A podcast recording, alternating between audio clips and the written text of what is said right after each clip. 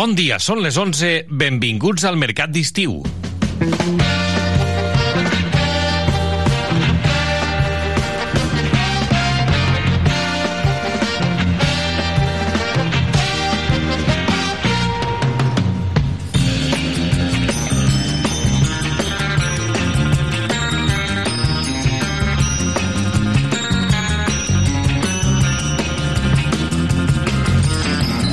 Nosaltres portem fent-vos uh, companyia, entretenim-vos, informant-vos des de les 8 en punt del matí. Gràcies per escoltar-nos i gràcies per sintonitzar-nos si ho acabeu de fer ara mateix.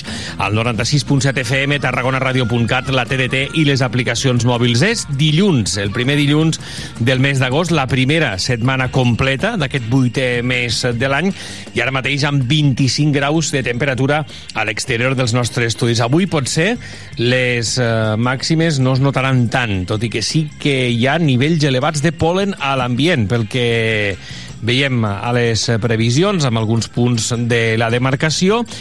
Deia que les màximes no es notaran tant, però aquesta setmana ha d'entrar una nova onada de calor. Així que prepareu-vos perquè la cosa torna a tirar cap amunt, torna a enfilar cap amunt, tot i que amb possibilitat de pluges alguns dies, eh, sobretot a les hores finals del dia. Aquestes són les previsions. Després d'un cap de setmana ja previ a Sant Magí, amb regust de Sant Magí. De fet, dissabte ja es posava el tendall al portal del carro, com va anar, com va anar la, la tradició.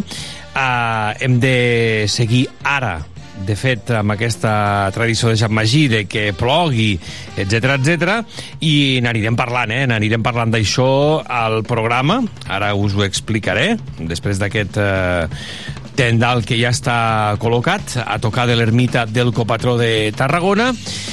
I això passava aquest cap de setmana, juntament amb altres coses, però aquesta setmana també ve farcida d'actes i ja prèvia, com deia, al cap de setmana de Sant Magí. Però passaran més coses que de seguida us expliquem. Com sempre, pendents de l'actualitat, a la nostra pàgina web a tarragonaradio.cat, al Twitter i qualsevol cosa també, evidentment, a través de l'antena de l'FM. Un programa, el Mercat d'Estiu, que lidera avui tècnicament el Lluís Comes i condueix qui us parla, el Miquel González. Mercat d'Estiu. Tarragona Ràdio. I ara que ja som de ple a l'estiu, segur que amb els calors que fa i aquesta onada de calor que arriba, veureu força beguda refrescant. Alguns eh, d'aquests elixirs amb gasos. Doncs bé, avui us expliquem com es fan químicament aquests gasos. Recuperem un dels eh, podcasts que organitzem entre l'Institut eh, Català d'Investigació Química l'ICIC i Tarragona Ràdio i ens acostem al món dels gasos i les reaccions químiques a pressió. Tots hem escoltat alguna vegada allò de que la pressió converteix el carbó en diamant. Doncs avui en eh, parlarem i en tenim eh, exemples quotidians. Per tant, de seguida escoltarem aquest podcast que avui buscarem aquest blau de Prússia amb el nostre company Josep Sunyer ara en uns minuts. Després el que farem és, com us deia, parlar d'aquestes tradicions. Aquest cap de setmana un grup de bombers voluntaris acompanyats de persones devotes de Sant Magí han col·locat ja el tendal al carrer del Portal del Carro a tocar d'aquesta ermita de Sant Magí, així com també la tela pintada, obra de Casimir Aimamí Ferran. Uh, parlarem d'aquesta qüestió que ja marca una mica l'arribada de Sant Magí. També aquest eh, dimecres comença la novena de Sant Magí a l'ermita del Portal del Carro. Uh, això serà a les 8 de la tarda i després tindrà la, lloc la presentació del retallable del pas de Sant Magí. De tot això en parlarem amb el president, precisament, de la confraria de Sant Magí, el Joaquim Galià. Hem convidat aquesta setmana també els, portals de, els portants de l'aigua, enguany també important parlar amb ells. Això serà, però, demà.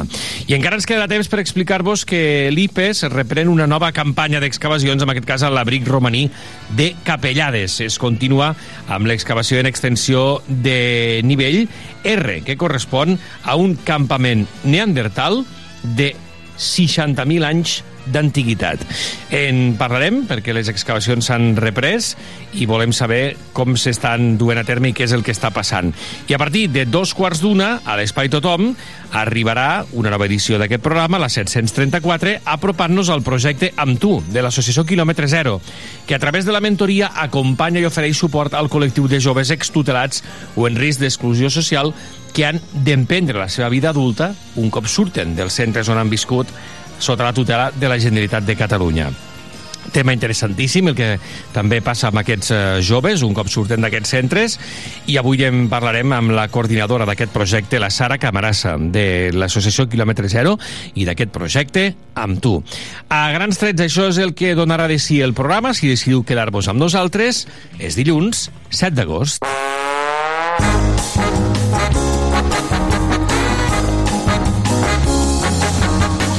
Avui que s'homenatja una de les edificacions situades en paisatges espectaculars enfront del mar, enfront d'oceans, que serveixen de guia a les embarcacions, als vaixells, en les nits i en els dies de tempesta. Se celebra el Dia Mundial dels Fars, i aquí a Tarragona en sabem força, amb la finalitat de reconèixer i divulgar la seva importància en la senyalització marítima. Aquest Dia Mundial ve inicialment dels Estats Units eh, d'Amèrica, allà es coneix com a Dia Nacional del Far, i eh, serveix per commemorar la signatura de la llei per l'establiment i el suport dels fars, balises, boies i molls públics, aprovada pel Congrés dels Estats Units l'any 1789. Posteriorment, diversos països es van adherir a aquesta celebració denominant-la Dia Mundial del Far o Lighthouse Day. Tal dia com avui, un 7 d'agost, però de fa 62 anys, neixia el cantant actor i compositor colombià Carlos Vives.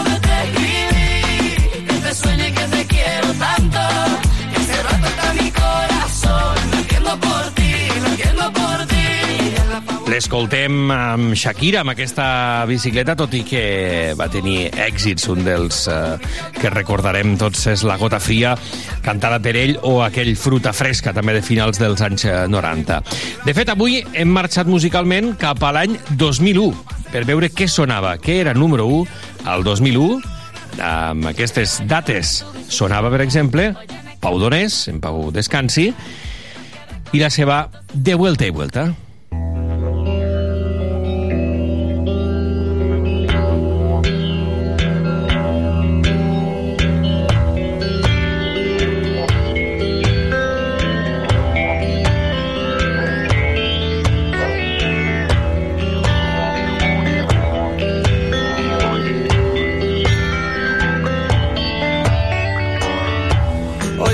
A dar otra vuelta, pero nadie me ha avisado. Hoy el tiempo me ha pillado, con un lío en la cabeza, tirado en la cama,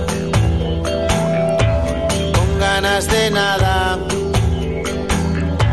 Hoy el tiempo se ha parado, en la hora que no era.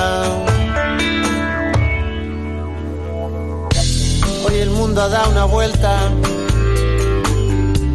pero no me ha preguntado. Hoy estoy desafinado, hoy estoy de calavera y el alma partida, la pena encendida. En la acera me he sentado a esperar la primavera Primavera que no llega. Primavera que no llega. Primavera que no llega. Primavera que no llega. Primavera que no llega. Primavera que no llega. Primavera que no llega.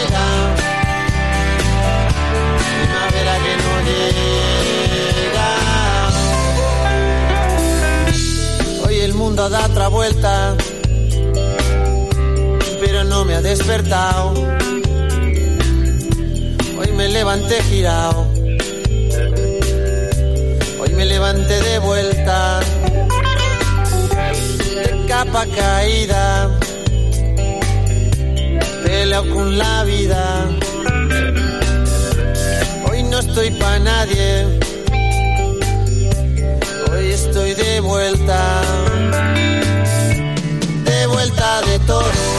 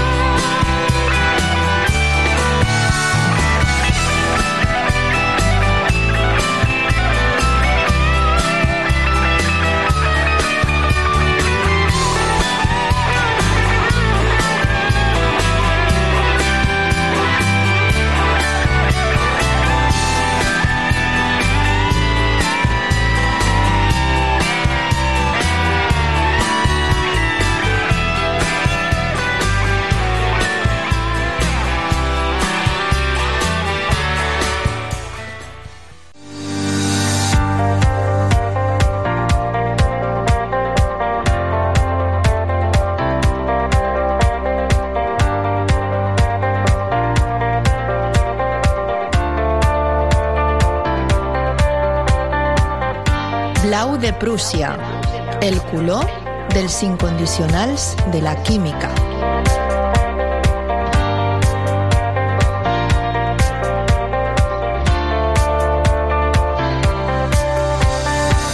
En aquest 15è podcast entre l'ICIC i Tarragona Ràdio ens acostem al món dels gasos i les reaccions químiques a pressió.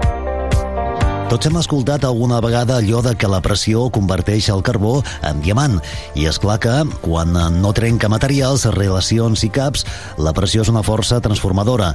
En tenim exemples quotidians com l'olla de pressió o els gasos refrigerants de les neveres, però sabríeu dir com funcionen? Com fan els laboratoris i indústries per treballar amb gasos? En anteriors capítols hem parlat de l'acció perniciosa dels gasos d'efecte hivernacle, però els gasos també poden tenir una acció protectora i en tenim la prova en els envasos alimentaris de la carn, les fruites o els enciams, o fins i tot amb els cèrvecs. Sabríeu dir els principis darrere d'aquests i altres usos? Podríem fer servir els gasos per protegir també les nostres reaccions químiques? Avui buscarem junts la resposta a aquestes i altres preguntes. Avui, Under Pressure, gasos, pressió i química. Aquest podcast és una coproducció de l'Institut Català d'Investigació Química i Tarragona Ràdio. Finançat per la convocatòria d'ajuts per al foment de la cultura científica a Catalunya 2021 de la Fundació Catalana per la Recerca i la Innovació. Avui buscarem el blau de Prússia amb la doctora Marta Jiménez, cap de la Unitat de Tecnologies de la Reacció Química de l'ICIC, i amb la doctora Cristina Maquilón, investigadora postdoctoral de la Unitat de Desenvolupament Tecnològic CESOL.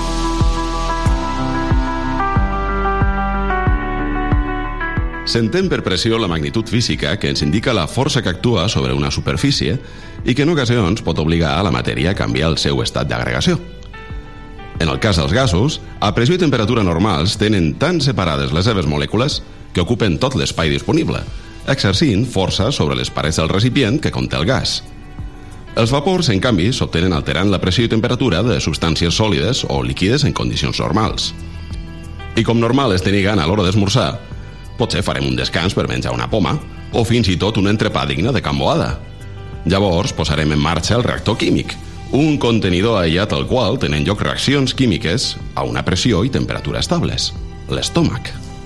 Però si mai agafeu un vol i us sorprèn la vostra activitat interior, sapigueu que es deu als canvis de pressió, perquè un cop l'enviós en l'aire, la pressió de cabina baixa, els gasos de la digestió poden ocupar més espai i d'aquí la inflor i els seus efectes, tot cantant Tarragona més borrona.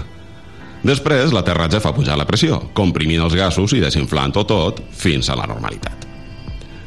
Aquest és un exemple desboixat, però en realitat els gasos no són tan senzills. De fet, la seva implicació en processos com la combustió, la fermentació, la putrefacció o la respiració no es van entendre fins l'últim quart del segle XVIII. I fins llavors es va explicar en principis alquímics i la teoria del flogist, que proposa l'existència d'un element en totes les coses que es poden cremar i que s'alliberava durant la combustió. Paral·lelament, es va desenvolupar la química pneumàtica, especialitzada en els gasos i a la qual es van dedicar, entre d'altres, James Watt, artífex de la revolucionària màquina de vapor.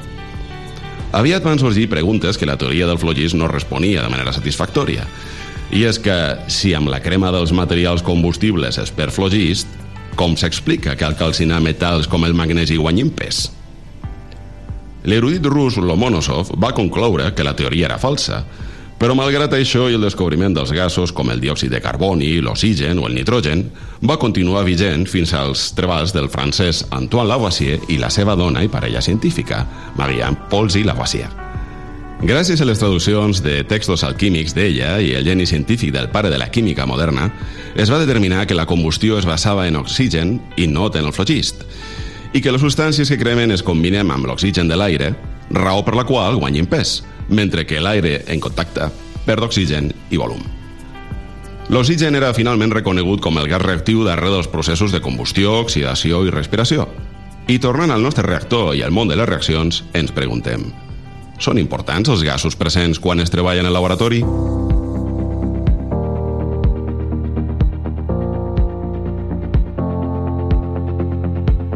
Si són importants els gasos al, presents al laboratori, pues, per suposat, els gasos són importants, o sigui, no només els que estan presents al laboratori, són importants els gasos presents a la vida. Si no tinguéssim oxigen, no podríem respirar. L'oxigen és un gas i necessitem per viure.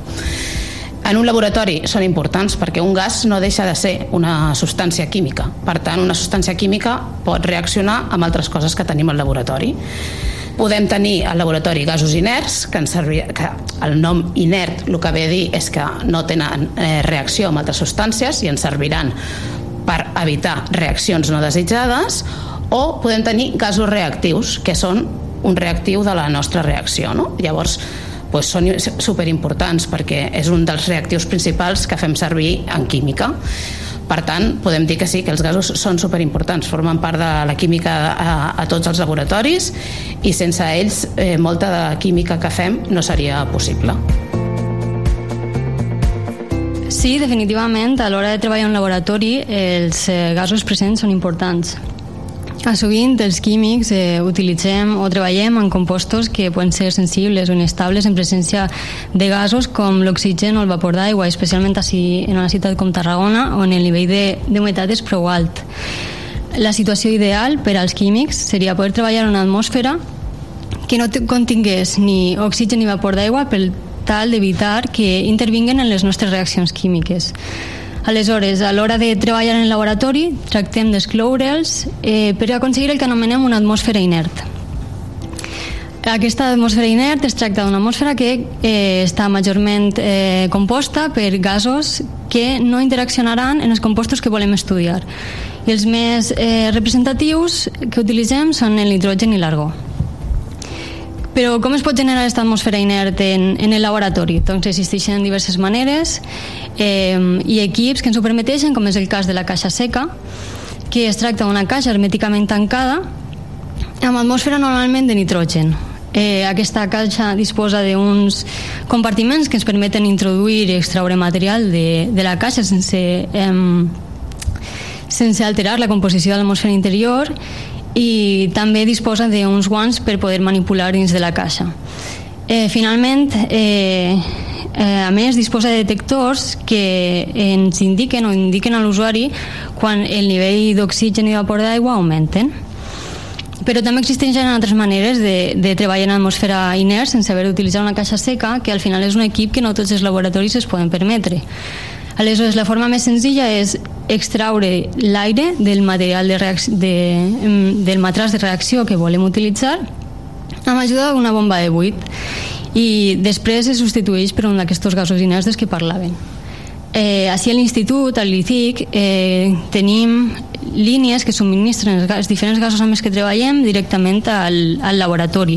Alguns d'aquests gasos són eh, estos gasos inerts dels que parlàvem, però també hi ha d'altres que utilitzem com a reactius. És a dir, són gasos que van a participar activament en una reacció. I finalment també hem de tindre en compte que de la mateixa manera que es poden utilitzar gasos com a reactius, també es poden generar gasos al llarg d'un procés químic. Eh, alguns d'aquests gasos poden ser nocius per a la nostra salut i per al medi ambient, per tant, treballem sempre en vitrines d'extractores que absorbeixen aquests gasos i es filtren eh, tots, tots aquests gasos que poden ser generats. Per tant, tornant a la pregunta inicial, és molt important a l'hora de treballar al laboratori controlar l'atmosfera que envolta les nostres reaccions i a la que estem exposats eh, els i les investigadores.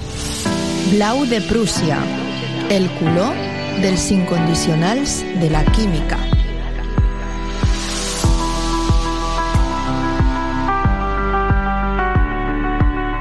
Donada la relació entre oxigen, respiració, oxidació i combustió, no és estrany que la presència d'aquest gas sigui sempre important, a vegades perjudicial i fins i tot fatal. En tenim exemples del dia a dia, com l'enfosquiment de les carns, fruites i verdures, que les fa menys atractives. Per això, la indústria alimentària fa servir envasos amb atmosferes protectores. I aquí cal fer un stop per parlar del desplaçament dels gasos.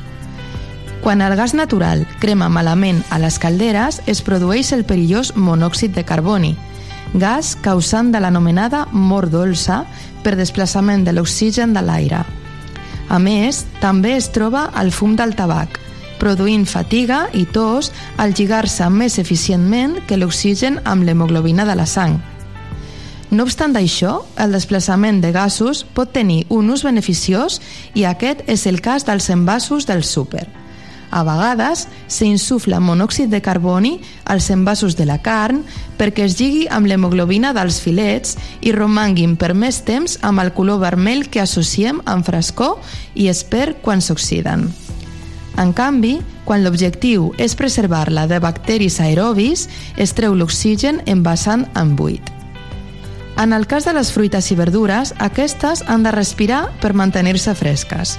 I llavors s'alenteix el metabolisme gràcies a mantenir dins l'envàs un contingut pobre en oxigen i ric en diòxid de carboni, que el desplaça. Aquest és l'entrejat dels sofisticats envasos microperforats. Al laboratori, en canvi, els efectes poden anar més enllà de fer malbé un producte per oxidació – sobretot si treballem amb substàncies que s'inflamen en presència d'oxigen o que, com els peròxids, són explosives. Per això, és freqüent treballar en atmosferes lliures d'oxigen mitjançant tubs tancats en buit, pressuritzats o amb globus plens d'un gas inert com l'argó que previngui l'entrada d'aire al medi de reacció. A sobre, cal considerar els gasos que es puguin generar in situ. D'altra banda, parlàvem abans de la combustió i els gasos que es produeixen en aquest procés i precisament del tractament a altes temperatures de substàncies riques en carboni surt una mescla de monòxid de carboni i hidrogen que és fonamental en els laboratoris de química i indústries, el gas de síntesi. Tant és així que és la base de la producció d'amoníac, metà i metanol, els quals, al seu torn, poden utilitzar-se per a obtenir els productes necessaris per a la síntesi de l'etanol, l'etilè i també de la gasolina i el dièsel, tot i que avui es prefereix el refí del petroli perquè emet menys CO2. La presència de gasos en qualsevol laboratori o procés industrial químic és sempre important, ja sigui com element indesitjat, reactiu, protector del medi de reacció o producte d'aquesta. Aleshores, podem menysprear la pressió en aquest tipus de reaccions? Doncs depèn. O sigui, la, la pressió eh, no, ve, no, no deixa de ser la quantitat d'un gas que tenim. Si aquest gas és un gas reactiu, és sí que és important la pressió, perquè necessitem saber la quantitat que estem posant en una reacció química. Són molt importants les quantitats que posem de cada cosa, com a la cuina, quan fem una recepta, eh, sobretot a les pasteleries, que ha de ser superexacta, quan fem alguna cosa de reposteria, hem de posar les quantitats exactes de cada cosa. Pues en una reacció química passa el mateix, posarem eh, els reactius, si és un líquid o és un sòlid, pues el mesurarem el volum, en, uh, en un sòlid el pesarem en una balança, però en un gas el que mesurarem és la pressió que posem d'aquell gas en la, en la reacció. Per fer reaccions a pressió, el que s'utilitza normalment són el que s'anomena eh, autoclaus o reactors a pressió. ¿vale? Aquests són uns equips que estan tancats i el que ens permeten és eh, contenir el gas dintre de la reacció. O sigui, és molt fàcil, tothom té molt present com fer una reacció amb un líquid un sòlid perquè ho peso i ho mesuro, però un gas com l'atrapo? O sigui, un gas jo no el puc atrapar. Llavors, és important la pressió en aquest moment perquè vull saber quina quantitat exacta de gas eh, poso. Llavors, eh, els reactors aquests eh, van tancats i ens permeten contenir el gas. Bueno, per, per posar el gas dintre d'aquest eh, reactiu tenim unes instal·lacions especials a dintre dels laboratoris de l'ICIC i eh, el que fem és que el gas va canalitzat per tuberies i, i tubs i vàlvules perquè no se'ns escapi. Perquè en el moment que deixem un gas que se'ns escapi, el gas se'ns en va. Eh, reaccions en gasos podem fer amb els, eh, amb els reactors, però a vegades no necessitem molta pressió, només necessitem que substituir l'atmosfera. L'atmosfera què és? Que, que quan ens referim a l'atmosfera, què volem dir? O sigui, l'atmosfera és mm, a l'aire que respirem, per exemple, nosaltres estem a un bar, més o menys, de pressió. Nosaltres parlem amb bars, en general, quan parlem de pressió. I si tenim oxigen i el que volem és substituir aquest eh, oxigen per un altre gas, pues, substituint per la mateixa pressió ja en tindríem suficient. I a vegades què fem? Pues simplement agafem un globo. Aquest globo que fem? Li traiem a l'aire i l'omplim del gas que vulguem, re, sigui reactiu o no reactiu. I això és una manera de, de treballar amb un gas. Amb un gas també podem fer una altra cosa, que és que el podem liquar. Els, els gasos són substàncies químiques i si els hi baixem normalment la temperatura, el que fem és liquar-lo i el convertim en un líquid. Eh, problema, l'hem de tenir sempre superfred perquè l'estem liquant i en el moment que aquesta temperatura puja se'ns tornarà a forma gas i ja no el tindrem atrapat. I això és una altra de les maneres que fem de treballar gasos en el laboratori.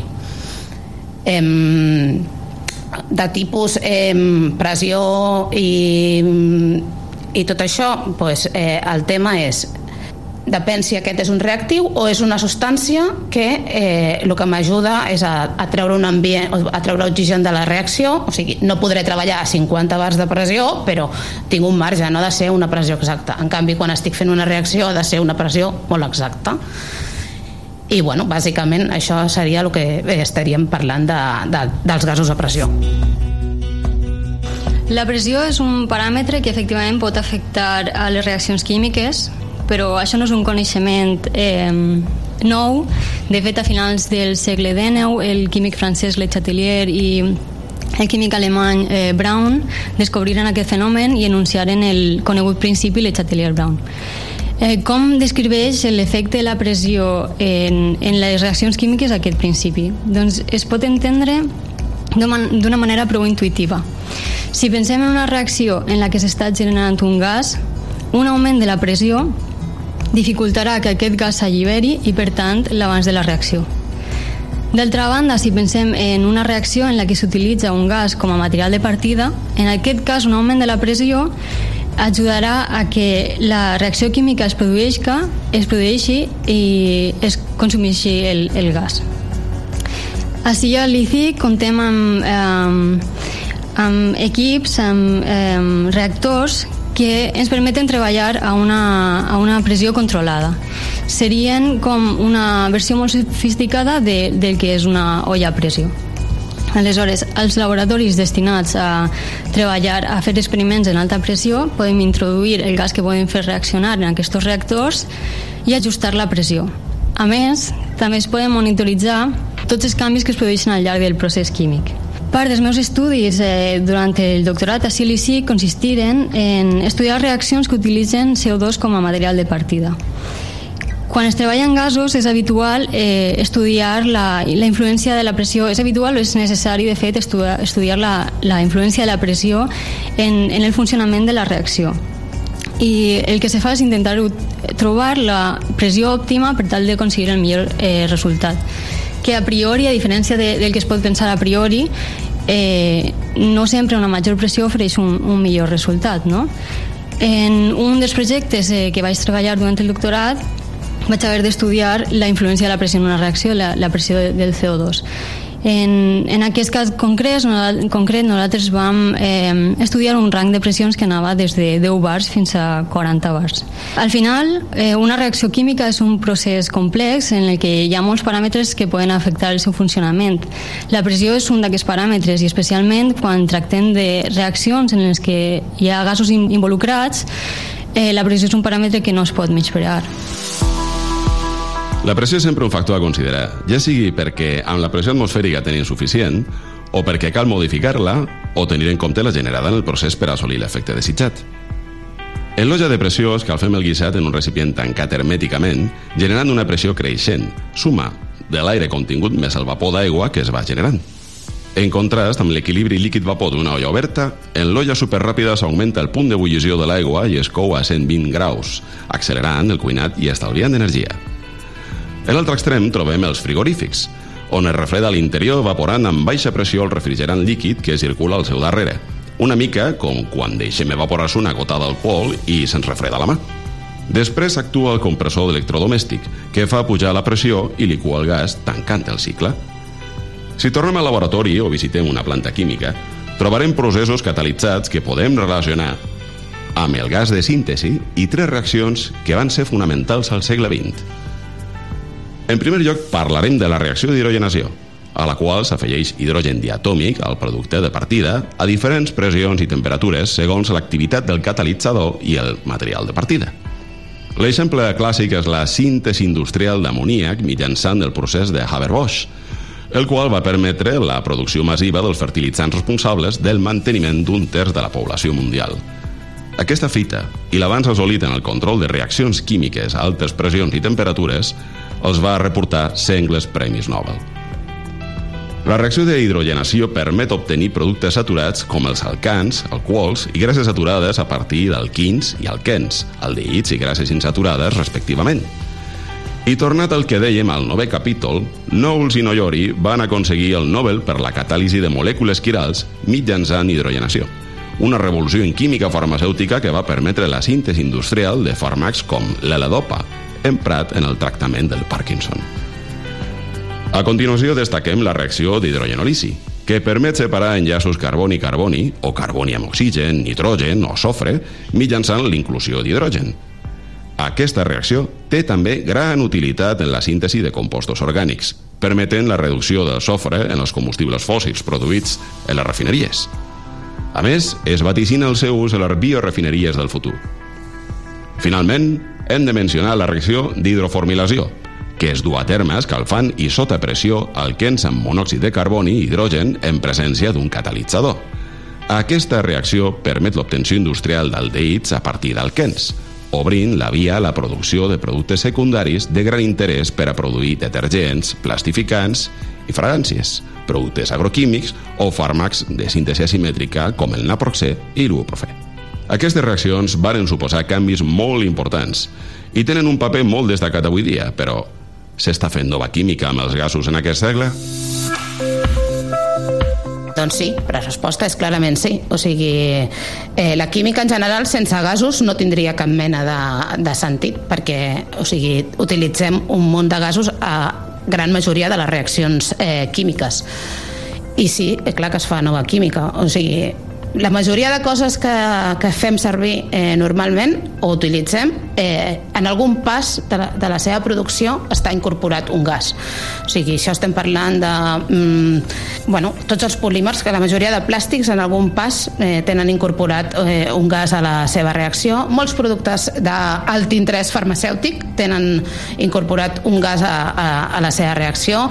A moltes eh, eh, reaccions que es produeixen a, a, la, a la farmacèutica eh, es, eh, es dona molt la, la reacció d'hidrogenació, que a més és una reacció que aquí a l'Institut fem eh, gairebé diàriament, i també les reaccions de carbonilació que incorporen eh, eh, monòxid de carboni o carboni a les, a les reaccions. A vegades eh, també hi ha la reacció d'hidroformilació, que a part d'incorporar monòxid de carboni també tenim hidrogen, i, bueno, en fi, o sigui, és que estem eh, rodejats eh, de gasos. Suposo que haureu sentit parlar del hidrogen verd, que és com una... el més modern que tenim ara en aquests moments, no? Que és substituir producció no sostenible i que contamina dels combustibles fòssils, substituir aquesta combustió per hidrogen de, que tingui un origen en, en producció eh, verda. Bé, l'hidrogen és un gas, o sigui, més present que l'hidrogen en el futur, i esperem que així sigui, que així sigui, perquè realment eh, serà la solució a tenir eh, un combustible que realment sigui net perquè no produeix eh, eh, contaminació quan l'hidrogen es consumeix, doncs, crec que és superimportant no? tenir eh, present de que anem evolucionant i, i que l'hidrogen serà el combustible del, del futur. Sí que s'està desenvolupant nova química de gasos. Eh, un dels principals problemes d'aquest segle està relacionat amb gasos, els eh, coneguts gasos d'efecte invernacle, entre els quals està el diòxid de carboni el CO2, eh, que actualment es troba en concentracions eh, molt elevades com per a que el planeta pugui eh, equilibrar aquestes concentracions sense cap mena d'ajuda externa. Eh, això l'efecte que té és que eh, aquest efecte invernacle, en comptes de mantenir la temperatura del planeta estable i, per tant, condicions habitables per a l'ésser humà, eh, sobrecalenta la superfície del planeta produint el que tots coneixem com l'escalfament eh, global i tots els efectes negatius que comporta. Jo penso que és eh, crucial estudiar la, la reactivitat d'aquests gasos per tal de poder utilitzar-los en el nostre benefici. Com ja he dit abans, eh, durant el meu període com a doctoranda en, en l'ICIC, eh, part de la meva investigació es va centrar en estudiar la reactivitat del CO2. Aquests estudis consistien en insertar CO2 en molècules orgàniques per tal de sintetitzar carbonats cíclics. Els carbonats cíclics són molècules orgàniques que tenen una major complexitat a les molècules eh, inicials i que tenen una gran diversitat d'aplicacions. Es poden trobar, per exemple, eh, com a electrolits en les bateries de liti que tenim als nostres telèfons, també se poden utilitzar com a dissolvents i entre altres usos també s'empren com a eh, precursors per a materials polimèrics. En quant a aquesta última aplicació, jo vaig tindre l'oportunitat de fer una estada en l'estranger per col·laborar amb una empresa eh, per tal d'estudiar eh, amb més profunditat eh, l'ús dels carbonats cicles que jo havia sintetitzat a l'ICIC en eh, la seva transformació en materials polimèrics en possible aplicació al món de l'automoció. Segons la meva experiència, personal puc afirmar que actualment s'està treballant en l'estudi de noves reactivitats utilitzant gasos com és el CO2 i que es, tra es tracta d'un camp molt actiu que esperem ens doni noves perspectives per tal d'afrontar eh, problemes que són d'interès global. Doncs sí, els gasos han sigut superimportants a la meva carrera científica. De fet, eh, sense gasos no existiria la meva carrera científica. Jo vaig fer la tesis aquí a la Universitat Rovira i Virgili en el grup de catàlisi homogènia i eh, la, el tema de la meva tesi era reaccions eh, de carbonilació en medis alternatius, vale? medis que no contaminin.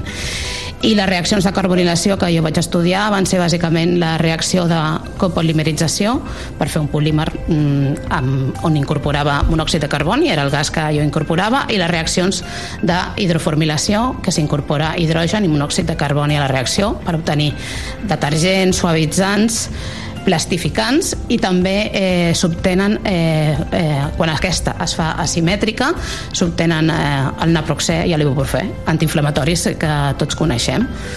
Com a medi alternatiu també feia servir un altre gas que es diu CO2 que té molt mala fama però nosaltres no el fèiem servir com un gas reactiu perquè l'utilitzàvem en la seva fase supercrítica. La fase supercrítica és una fase que està les propietats que té està entre un gas i un líquid i en aquest cas el que fem és utilitzar el CO2 com a dissolvent de la reacció.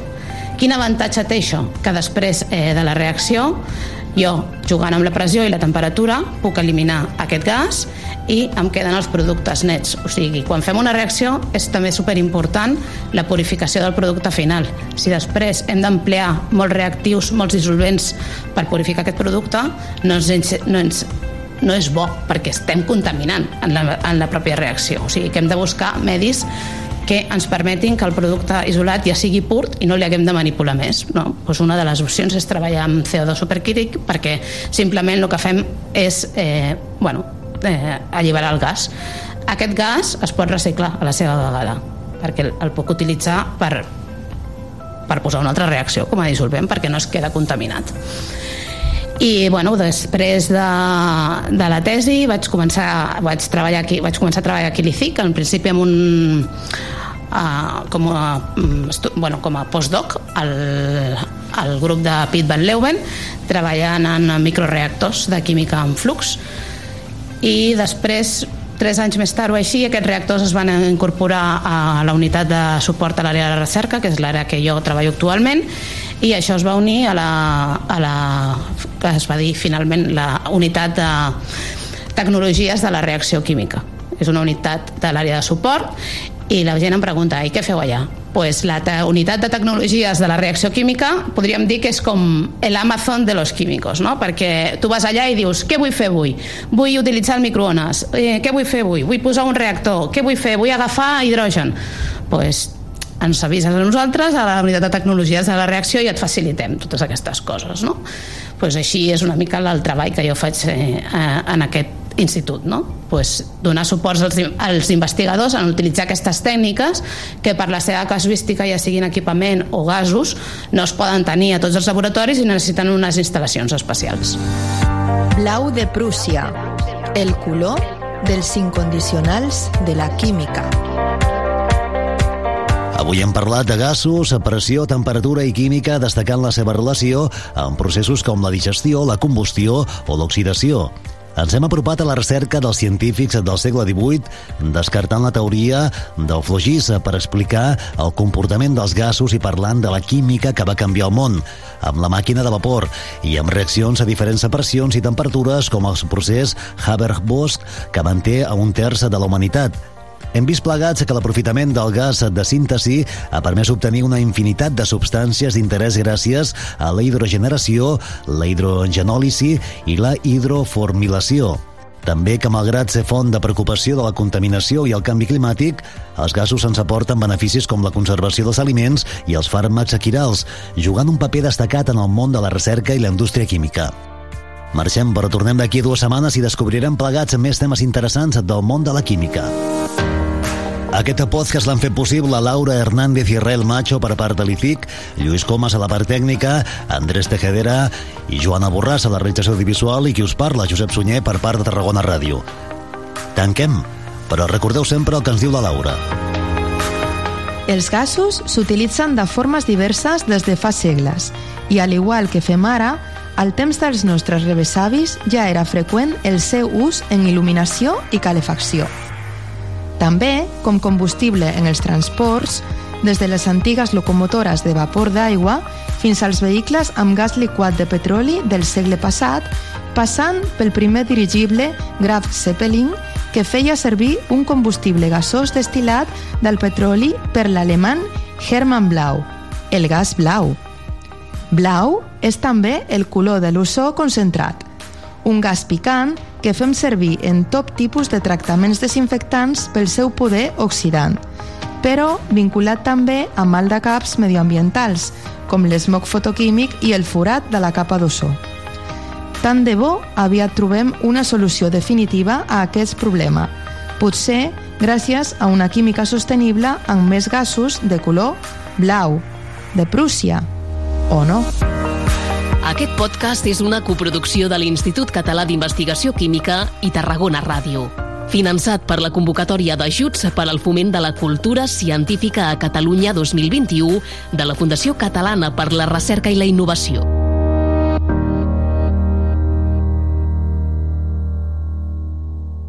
Cada dia a Tarragona Ràdio a partir de les 11, Mercat d'Estiu. Tarragona estrena 5 estrelles, un nou cicle de cinema a la fresca amb dos nous espais, el Parc del Francolí i la zona de gespa de l'Anella Mediterrània. Del 25 de juliol al 13 d'agost, dimarts i diumenges, tens una cita a partir de les 10 de la nit i amb entrada gratuïta. Los tipos malos, Top Gun Maverick, Escape Room, Coda, Padre no hay más que uno 3 i històries para no contar. Organitza Departament de Cultura de l'Ajuntament de Tarragona amb la col·laboració del Patronat d'Esports. Agafa tota la família i vine a la fresca. Vine al cine. Cine Estrelles. Aquest estiu tenim un pla. Et proposem que ens acompanyis cada matí. A canvi, t'apropem el territori. Et descobrim artistes quilòmetre zero. I els millors projectes de proximitat. Compartim receptes. I secrets gastronòmics. Fem estiu amb els protagonistes de la jornada. Perseguim plegats l'actualitat. I totes les tendències. Amb un ull posat a la platja. I també a la muntanya i a la piscina. Aquest estiu, obert per vacances. Obert per vacances. Cada matí, de 9 a 11, a la teva ràdio local.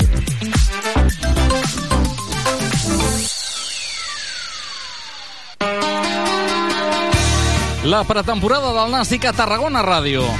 Aquest dimecres 9 d'agost a les 8 del vespre viurem el cinquè partit de la pretemporada dels Granes. Des de l'estadi municipal Nou Castàlia de Castelló us explicarem el Club Deportivo Castelló Nàstic.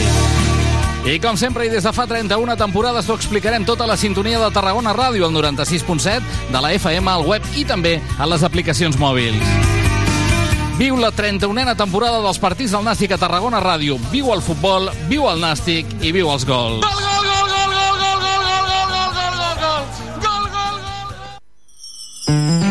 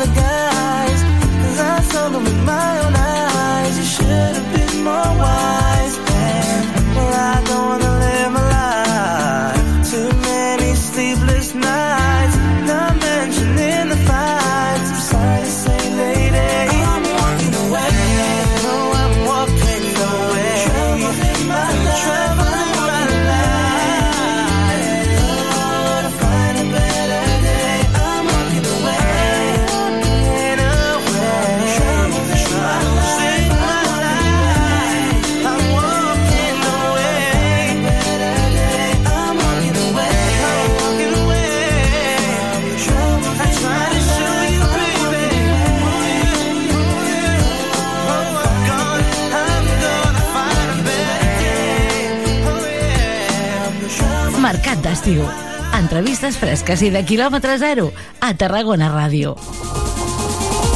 Tarragona estrena 5 estrelles, un nou cicle de cinema a la fresca en dos nous espais, el Parc del Francolí i la zona de gespa de l'Anella Mediterrània. Del 25 de juliol al 13 d'agost, dimarts i diumenges, tens una cita a partir de les 10 de la nit i amb entrada gratuïta. Los tipos malos, Top Gun Maverick, Escape Room, Coda, Padre no hay más que uno 3 i històries para no contar. Organitza Departament de Cultura de l'Ajuntament de Tarragona amb la col·laboració del Patronat d'Esports. Agafa tota la família i vine a la fresca. Vine al cine. Cine Estrelles. Aquest estiu tenim un pla. Et proposem que ens acompanyis cada matí. A canvi, t'apropem el territori. Et descobrim artistes quilòmetre zero. I els millors projectes de proximitat. Compartim receptes I secrets gastronòmics. Fem estiu amb els protagonistes de la jornada. Perseguim plegats l'actualitat. I totes les tendències. Amb un ull posat a la platja. i també a la muntanya i a la piscina. Aquest estiu, obert per vacances. Obert per vacances. Cada matí, de 9 a 11, a la teva ràdio local.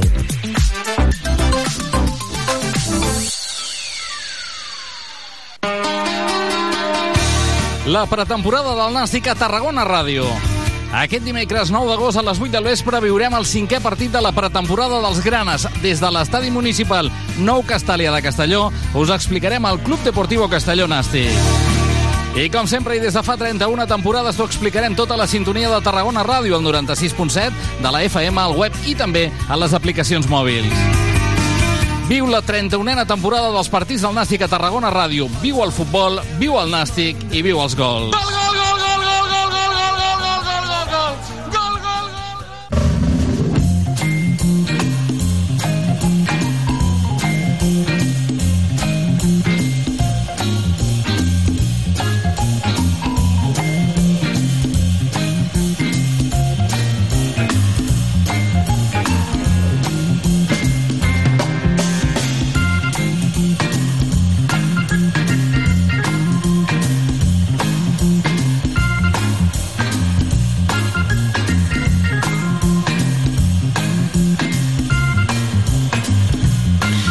Seguim en directe a la sintonia de Tarragona Ràdios el Mercat d'Estiu i ara mateix ja passen 52 minuts de les 11 del matí, o és el mateix. En falten 8 per les 12. Diu la tradició que un cop col·locat aquest tendal de Sant Magí al portal del Carro, a tocar de l'ermita del Copatro de Tarragona, ha de ploure. Per tant, veurem què és el que passa, perquè el tendal ja està col·locat. Saludem al president de la confraria de Sant Magí, el senyor Joaquim Galià. Senyor Galià, molt bon dia. Molt bon dia a tots. Moltíssimes gràcies per atendre'ns. Ja tenim sí. el tendall col·locat. Ja el tenim col·locat i tot ben arreglat i demanant a Sant Magí que el faci mullar com cada any. Per ara no ha fallat mai. A veure si enguany que necessitem més l'aigua, doncs també ens ajuda i mulla el tendal i mulla la ciutat, no? Home, aquesta nit alguna goteta, molt poqueta, molt poqueta, ha caigut, però vaja, potser hauria de ser una miqueta més, no? Sí, per mullar, per mullar aquesta, el tendal. Aquesta, aquesta tan petita no la contem, esperem Aquesta una no, mica eh? més. D'acord. Sí. La tradició és aquesta, no?, que un cop col·locat el, el tendall Sí. hagi de ploure, l'hagi de mullar perquè puguin Sí. iniciar i que, i que tinguem unes bones festes de Sant Magí, no?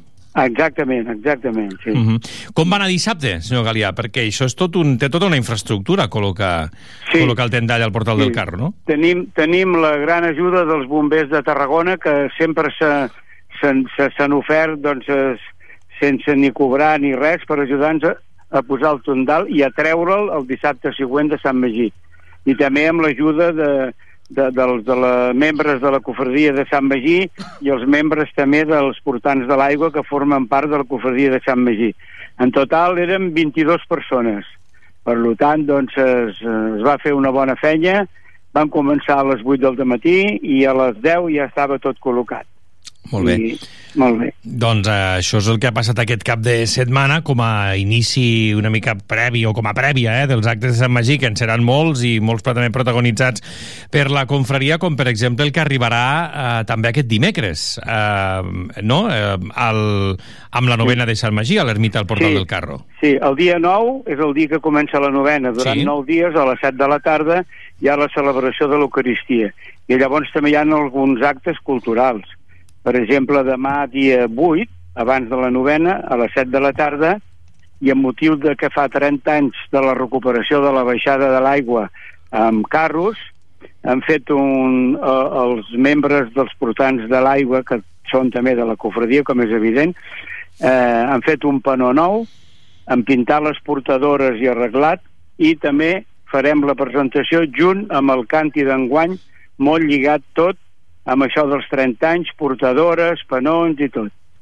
Molt bé, clar, és que em guanya més eh, números rodons que fan doncs, encara més vistós eh, tots aquests actes. No? Demà nosaltres també parlarem amb els, amb els portants, però vaja, que al final eh, són, són entitats que, que conflueix molta gent, no? Vull dir que, com Sí, ara tu sí. deies, molts, molts portants són de la confraria i viceversa, no? Sí, sí, no, mire, penseu que tant els portants de l'aigua com els, com els que porten el pas són una secció que pertany a la cofradia i tot se fa en nom de la cofradia Correcte. però cadascú fa la seva feina i en el seu moment oportú, no? Uh -huh, exacte.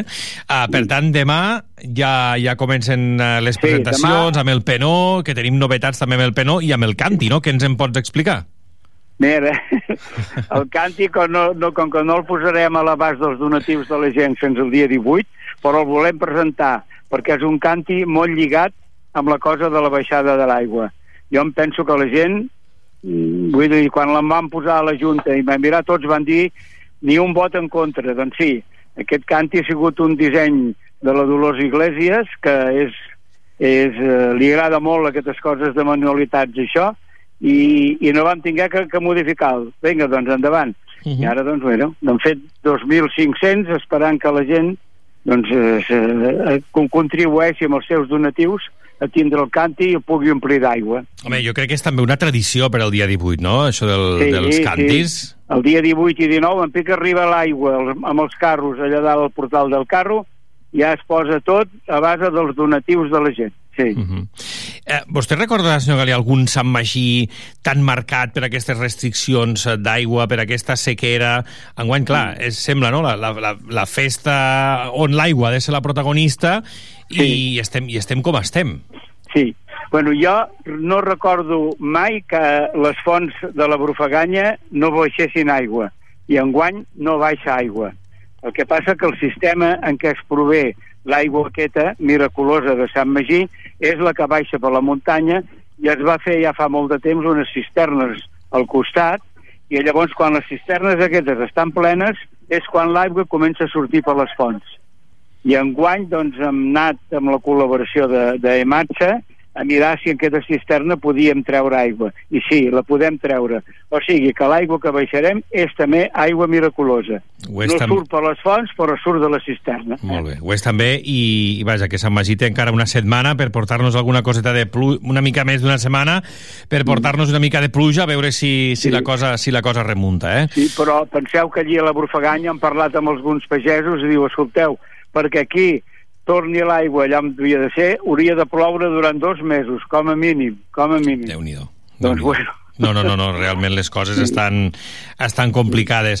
Uh, senyor Garia, deixi'm que li pregunti també, perquè dintre d'aquesta setmana veig que tenen també la presentació del, del retallable de, del pas i després la revista de la confraria també, no? Sí, això el dia 9, que és el dia que comença la novena, uh Mhm. -huh. quan acabi la novena, a les 8 del vespre, hi haurà la presentació de la revista, que és el que substitueix una mica eh, a l'opuscle que fèiem, perquè amb totes aquestes circumstàncies no, no, no hem trobat tanta gent com per pa- patrocinar l'opuscle. Però han fet una revista molt maca i molt, i molt a l'abast de la gent. I també, mm, degut a, a, a, a l'obra de l'artista Joaquim Nolla, que es va brindar a fer un retallable del pas també el presentarem junt amb la revista i aquest sí que ja l'han fet i estarà a l'abast de tothom perquè els infants i la gent gran que li agradi pugui fer el pas retallable i tindre-la allí a casa per guarnir. Això és, és el dia 9. Molt bé. Després de la, de la novena, que és a les 8 de la Mhm. tarda. Fantàstic, doncs així anem ja Val. posant dates.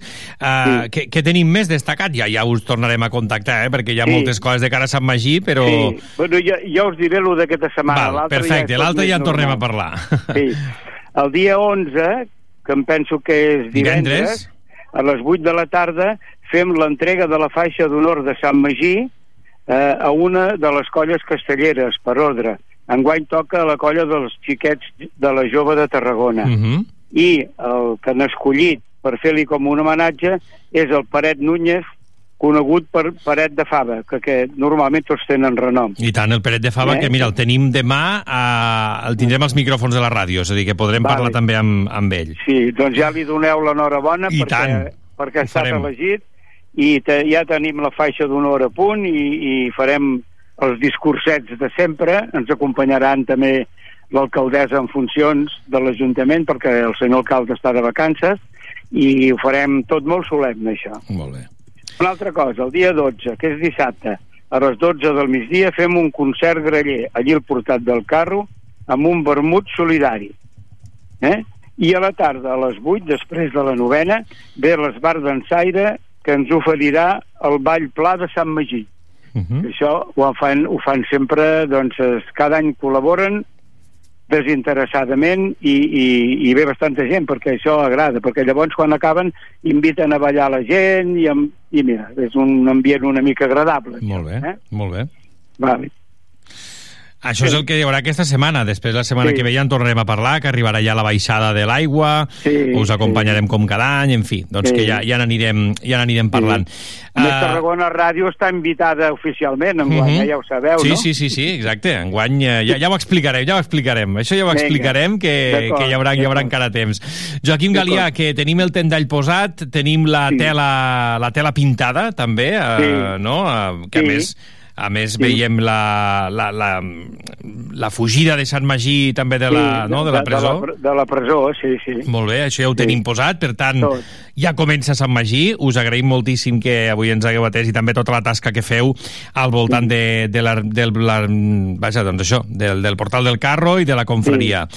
Molt Jo, bé. Joaquim Galià, moltíssimes gràcies per atendre'ns. A vosaltres per ser tan amables i poder fer aquesta mica de, de, de presa de posició per part de la gent de les coses allà on pot anar i què pot fer i tot, eh? I tant que sí. Ens, encantats de fer-ho. Joaquim, Molt bé. gràcies. Gràcies a Que vosaltres. vagi bé. Bon Sant Magí. Sí, gràcies. Adéu.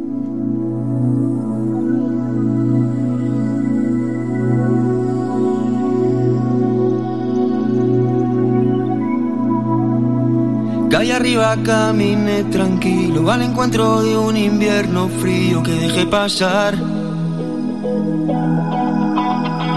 Al doblar la esquina y en la acera di de bruces con la primavera, no la vi llegar.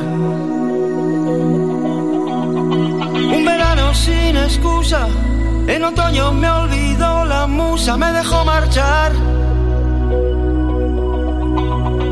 Me dormí en las estaciones y ahora el tren parado por vacaciones no quiere arrancar. El silbato, la esperanza nueva y por fin los campos allá afuera van quedando atrás. Ya se acerca la estación nevada, abajo y cumplo años de pasada y una estrella más. Se dibujan los colores, en la magia de las flores, en la luz vital. Rodeado de equipajes que se pierden entre viaje y viaje, queda recordar. Y por eso vivo el día, día simple, día claro. Vivo al menos sin temores, sin el miedo de gozar. Cada pueblo, cada puente, cada cruce me ha enseñado con hoy es suficiente.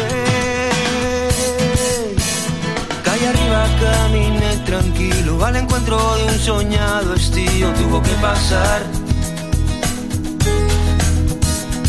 Al doblar la esquina en la primera, el otoño me enseñó quién era, me invitó a pensar. Se dibujan los colores, vivos en la magia de las flores, en la luz vital.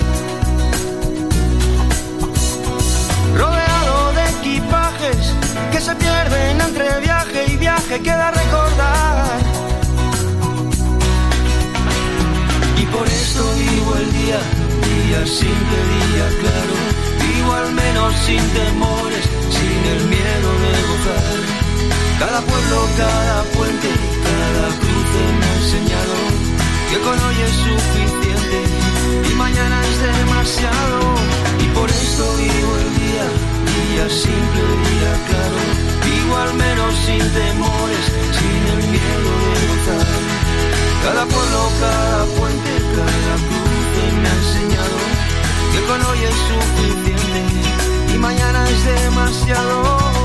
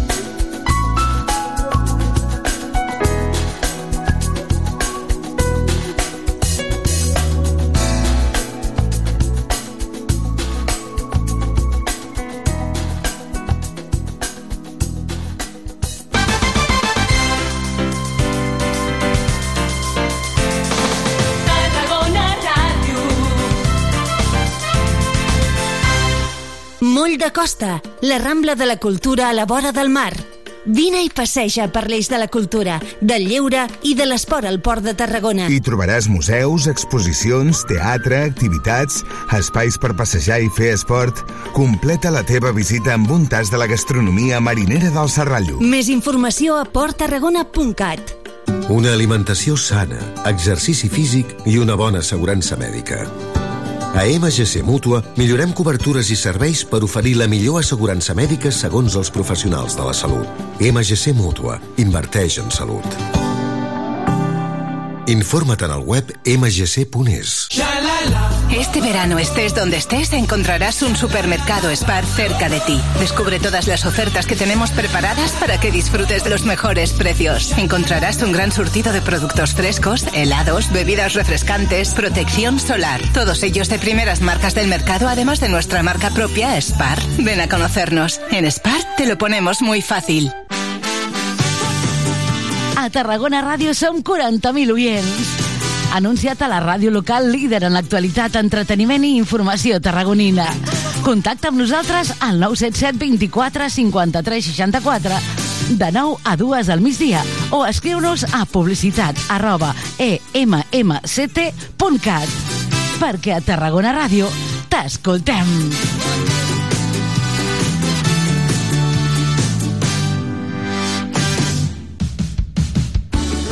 A Tarragona, els residus al seu lloc. Utilitza la deixalleria. Recorda, els residus voluminosos no van a les deixalleries mòbils.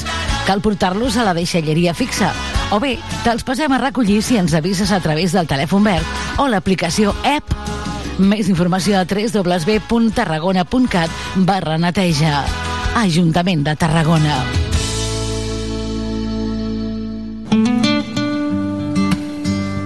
Gaudeix de l'estiu en els restaurants i l'espa que ofereix vora al mar l'Hotel Le Meridien Ra. Descobreix la millor gastronomia mediterrània al restaurant La Terrassa del Mar o les tapes marineres i fresques al Beach Club a peu de platja. A més, relaxa cos i ment a l'Explore Spa de l'Hotel Le Meridien Ra del Passeig Marítim del Vendrell. Reserva trucant al 977 69 42 00 i viu l'estiu a l'Hotel Le Meridien Ra. Tarragona estrena Cine Estrelles, un nou cicle de cinema a la fresca en dos nous espais, el Parc del Francolí i la zona de gespa de l'Anella Mediterrània. Del 25 de juliol al 13 d'agost, dimarts i diumenges, tens una cita a partir de les 10 de la nit i amb entrada gratuïta. Los tipos malos, Top Gun Maverick, Escape Room, Coda, Padre no hay más que uno 3 i històries para no contar. Organitza Departament de Cultura de l'Ajuntament de Tarragona amb la col·laboració del Patronat d'Esports. Agafa tota la família i vine a la fresca. Vine al cine.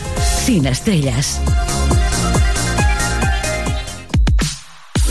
Aquest estiu tenim un pla. Et proposem que ens acompanyis cada matí. A canvi, t'apropem el territori. Et descobrim artistes quilòmetre zero. I els millors projectes de proximitat. Compartim receptes. I secrets gastronòmics. Fem estiu amb els protagonistes de la jornada. Perseguim plegats l'actualitat. I totes les tendències. Amb un ull posat a la platja. I també a la muntanya i a la piscina. Aquest estiu, obert per vacances.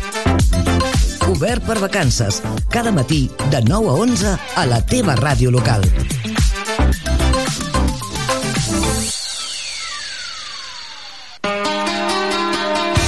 La pretemporada del Nàstic a Tarragona Ràdio. Aquest dimecres 9 d'agost a les 8 del vespre viurem el cinquè partit de la pretemporada dels Granes. Des de l'estadi municipal Nou Castàlia de Castelló us explicarem el Club Deportivo Castelló Nàstic.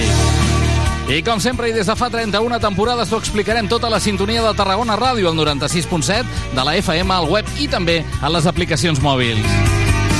Viu la 31a temporada dels partits del Nàstic a Tarragona Ràdio. Viu el futbol, viu el Nàstic i viu els gols. Gol, gol!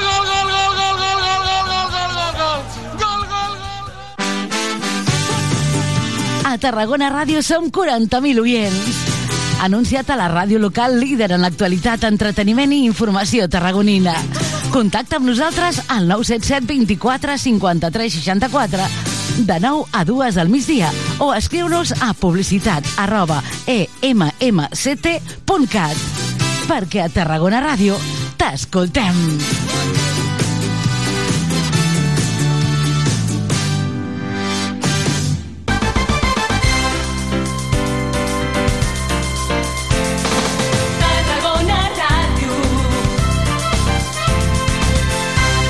Les 12 del migdia i 12 minuts.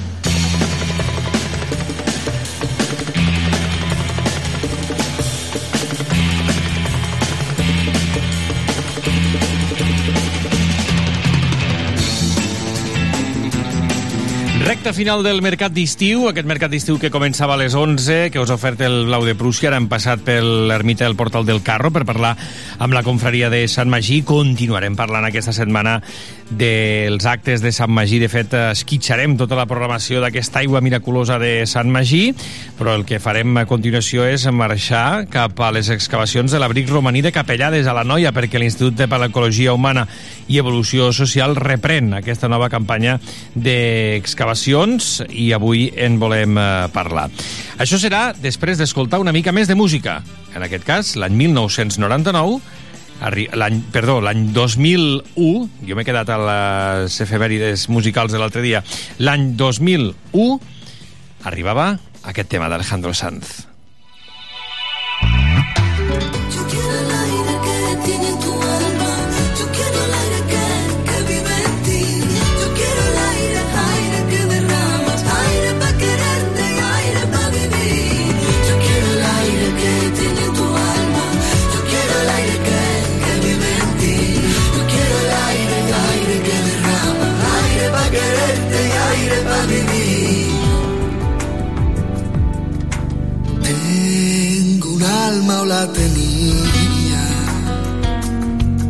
Es bastante.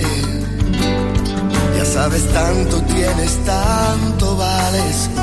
Tengo un alma y desafía tus andares.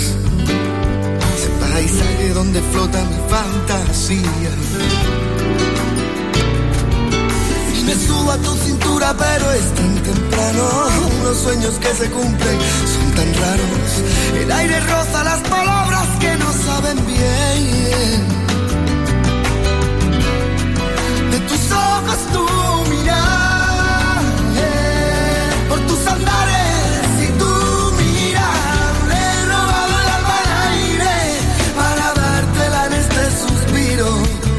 Soy como la tierra, amor, tú eres el sol que no se deja ver, no puede ser, ¿cómo va a ser? Le he robado el alma al aire poder llevarte aquí conmigo.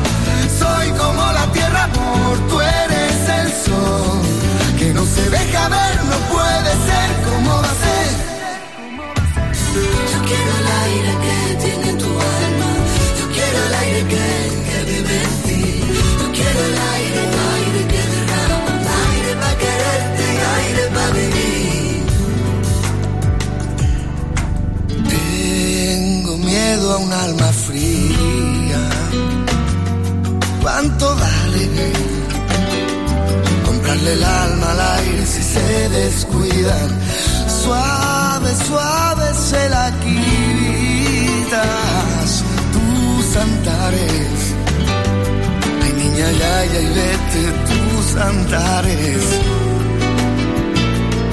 Porque no tienen cura la locura de mis labios. Ya nada en esta vida me parece raro.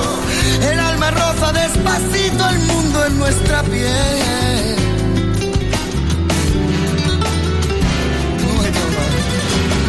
de mi vida caminar y de tu vida niña lo que no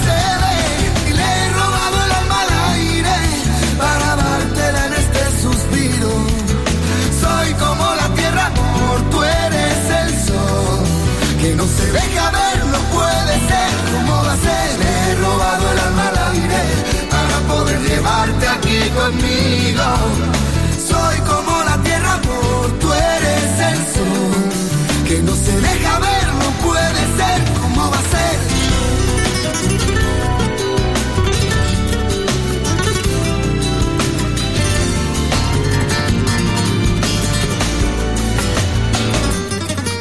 Me suba tu cintura, pero es tan temprano.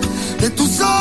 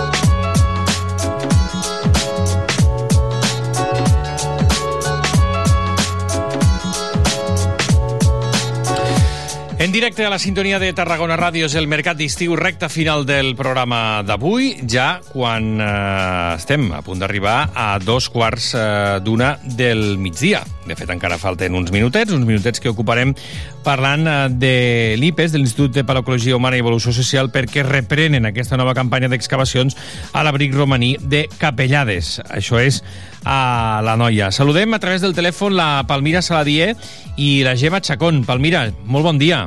Hola, bon dia, què tal? I Gemma també molt bon dia. Tu també?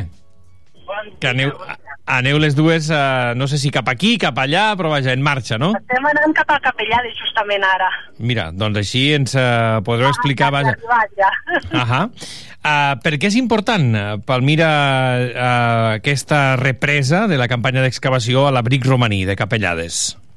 Bueno, l'abric romaní porta, aquest any serà eh, 41 campanyes d'excavació quan en un jaciment s'ha arribat a, a aquesta xifra de campanyes d'excavació vol dir que és important per tot el que es troba allí i per tot el que representa la investigació que s'hi està fent. Però l'any passat, a més a més, vam deixar un nivell que sembla que, que hi va sortir una resta de neandertals i, i el vam deixar al sostre. Així que aquest any anem a veure si trobem més restes humanes o no, que també és una possibilitat que hem de tenir en compte, i a veure quin tipus de, a veure quin tipus de, de nivell ens trobarem, quin tipus d'ocupació. Uh -huh. De fet, vosaltres dirigiu aquestes, uh, aquestes excavacions, les investigadores Palmira Saladia, com dèiem, i, i Gemma Chacón, juntament amb l'Eudal amb l'Eudal Carbonell, seríeu l'equip no, que esteu dirigint aquesta, aquesta campanya. És, com deia, una campanya de continuïtat per acabar amb aquesta excavació d'extensió de, del nivell R. Què vol dir això? Uh, bueno, l'excavació en extensió vol dir que estem excavant tota la superfície de l'ocupació de del campament. Uh -huh. Per tant, tenim tota la informació sobre l'espai domèstic d'aquests grups neandertals del passat. I el nivell R simplement es, ens està indicant que és una franja d'ocupació molt definida a l'espai, en vertical, són Uh, molt poc, eh? deuen de ser uns 10 centímetres de profunditat, però el que ja estem trobant moltíssimes restes i que estem anant molt a poc a poc. I amb el que tu deies, 60.000 anys d'antiguitat. 60.000 anys d'antiguitat que són eh, les que tenien aquestes restes parcials d'un crani que, que vau trobar amb les excavacions anteriors, no? Vau, vau aconseguir recuperar amb aquesta campanya anterior. Clar, el que us trobareu ara és, és una incògnita, Palmira Gemma. En y supone que si tenemos unos de fragmentos de cráneo podrían haber más o otras partes esqueléticas neandertal, pero eh, seguimos teniendo restos que dejamos el año pasado de todo lo que son los animales que han consumido, de herramientas, o sea que, que todo lo que quede, quede por, por destruir lo acabaremos este año. Uh -huh. ah, Palmira, quanta gent qui, uh, qui forma o qui conforma l'equip d'aquestes excavacions? Mira, això t'ho contesta la Gemma perquè sí. és la que sí, sí, sí, sí, de, tant, la, tant. de la logística. Perfecte. Parlava. Doncs endavant, Gemma, sí. Seremos máximo unas 25 personas. Eh, la, la, parte grande del equipo es la parte grande del equipo interdisciplinar del IPE, es unas 14, 15, depende de los días. Y el resto son estudiantes un poco de tanto a nivel nacional como internacional, de estudiantes marroquíes, israelitas, italianos, franceses, un poco cada año es una excavación que es también escuela y que tenemos estudiantes un poco de, de muchísimos centros de, de partes del Uh -huh. uh, disculpeu si us repregunto coses perquè realment la, uh, la cobertura va, va i bé i llavors ah, hi, ha, no, hi ha no, coses que hi ha coses que se'ns se perden, eh? però vaja, he entès aquestes persones que, que formen part eh, que formen part de, de l'equip. Això fi, durant tot aquest eh, mes, no, Palmira, que, que es duran a terme aquestes excavacions?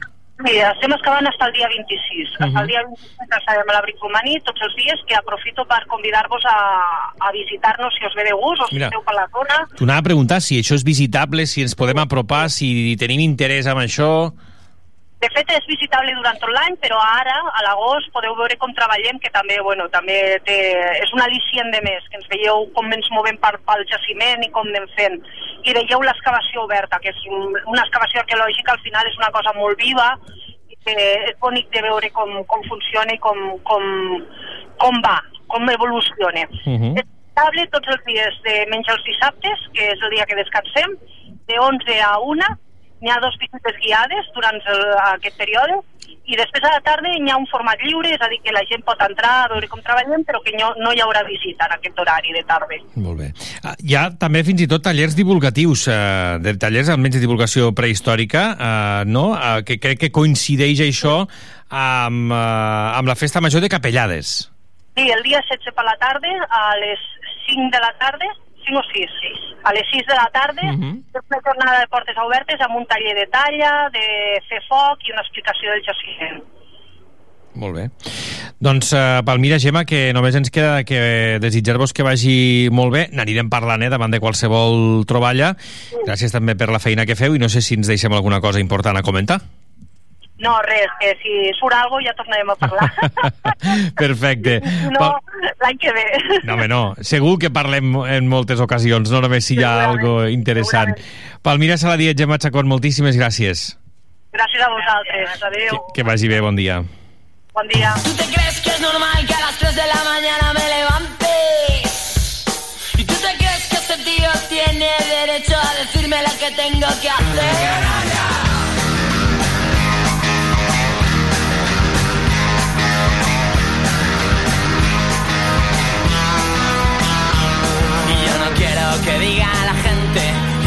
Visto hablando contigo.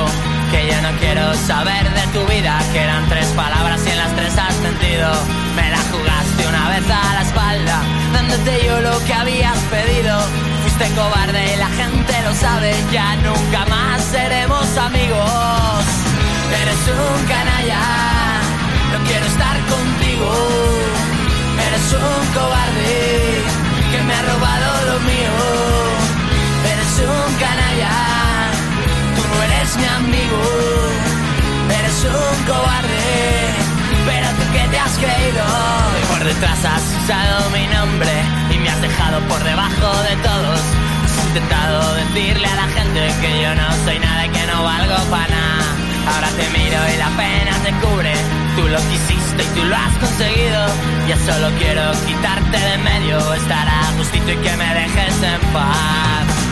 Eres un canalla, quiero estar contigo. Eres un cobarde que me ha robado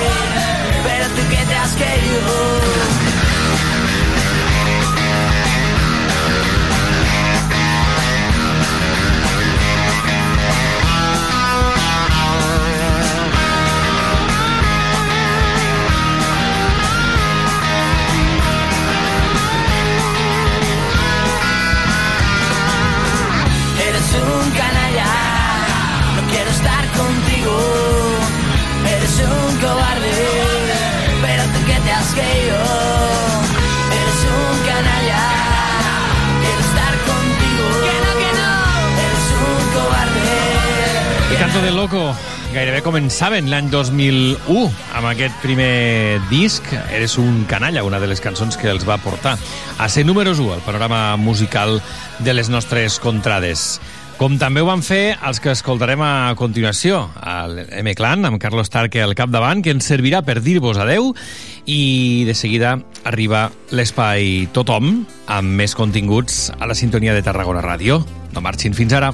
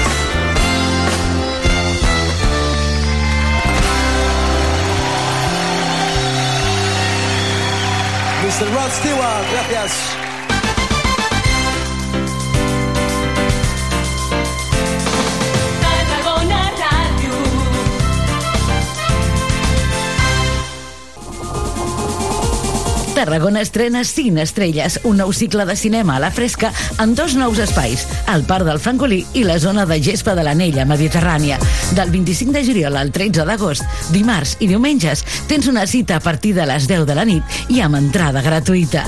Los tipos malos, Top Gun Maverick, Escape Room, Coda, Padre no hay más que uno 3 i històries para no contar.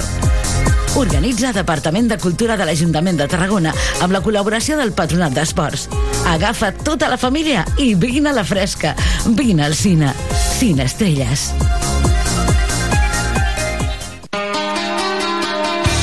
La pretemporada del Nàstic a Tarragona Ràdio. Aquest dimecres 9 d'agost a les 8 del vespre viurem el cinquè partit de la pretemporada dels Granes. Des de l'estadi municipal Nou Castàlia de Castelló us explicarem el Club Deportivo Castelló Nàstic. I com sempre i des de fa 31 temporades t'ho explicarem tota la sintonia de Tarragona Ràdio al 96.7, de la FM al web i també a les aplicacions mòbils. Viu la 31a temporada dels partits del Nàstic a Tarragona Ràdio. Viu el futbol, viu el Nàstic i viu els gols. Gol, gol,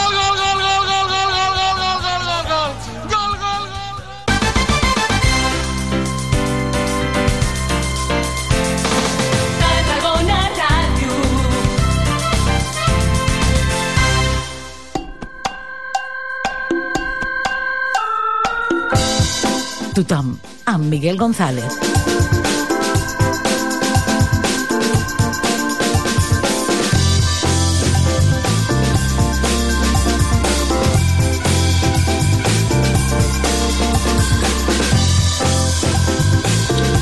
Un tothom a la sintonia de Tarragona Ràdio que ja arriba a la seva edició número 734, al 96.7 de la freqüència modulada, també a les 3 www.tarragonaradio.cat, la TDT i les aplicacions mòbils. Què tal, com estan? Benvinguts una setmana més amb aquesta edició del programa.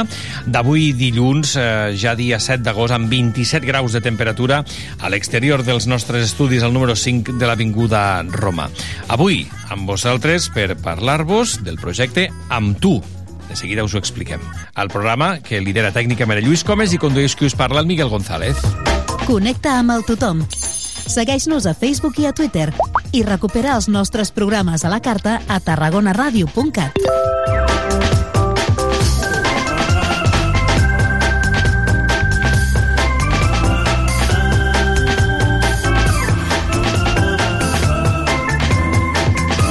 I per parlar-vos d'aquest projecte, amb tu saludem la tècnica responsable d'aquest projecte dins de quilòmetre zero, la, Sara, la Sara Camarassa. Sara, molt bon dia. Bon dia, Miquel. Moltíssimes gràcies per acompanyar-nos. El projecte té un objectiu clar, Sara, ara n'anirem parlant eh, durant aquests propers minuts, però a través de la mentoria busqueu acompanyar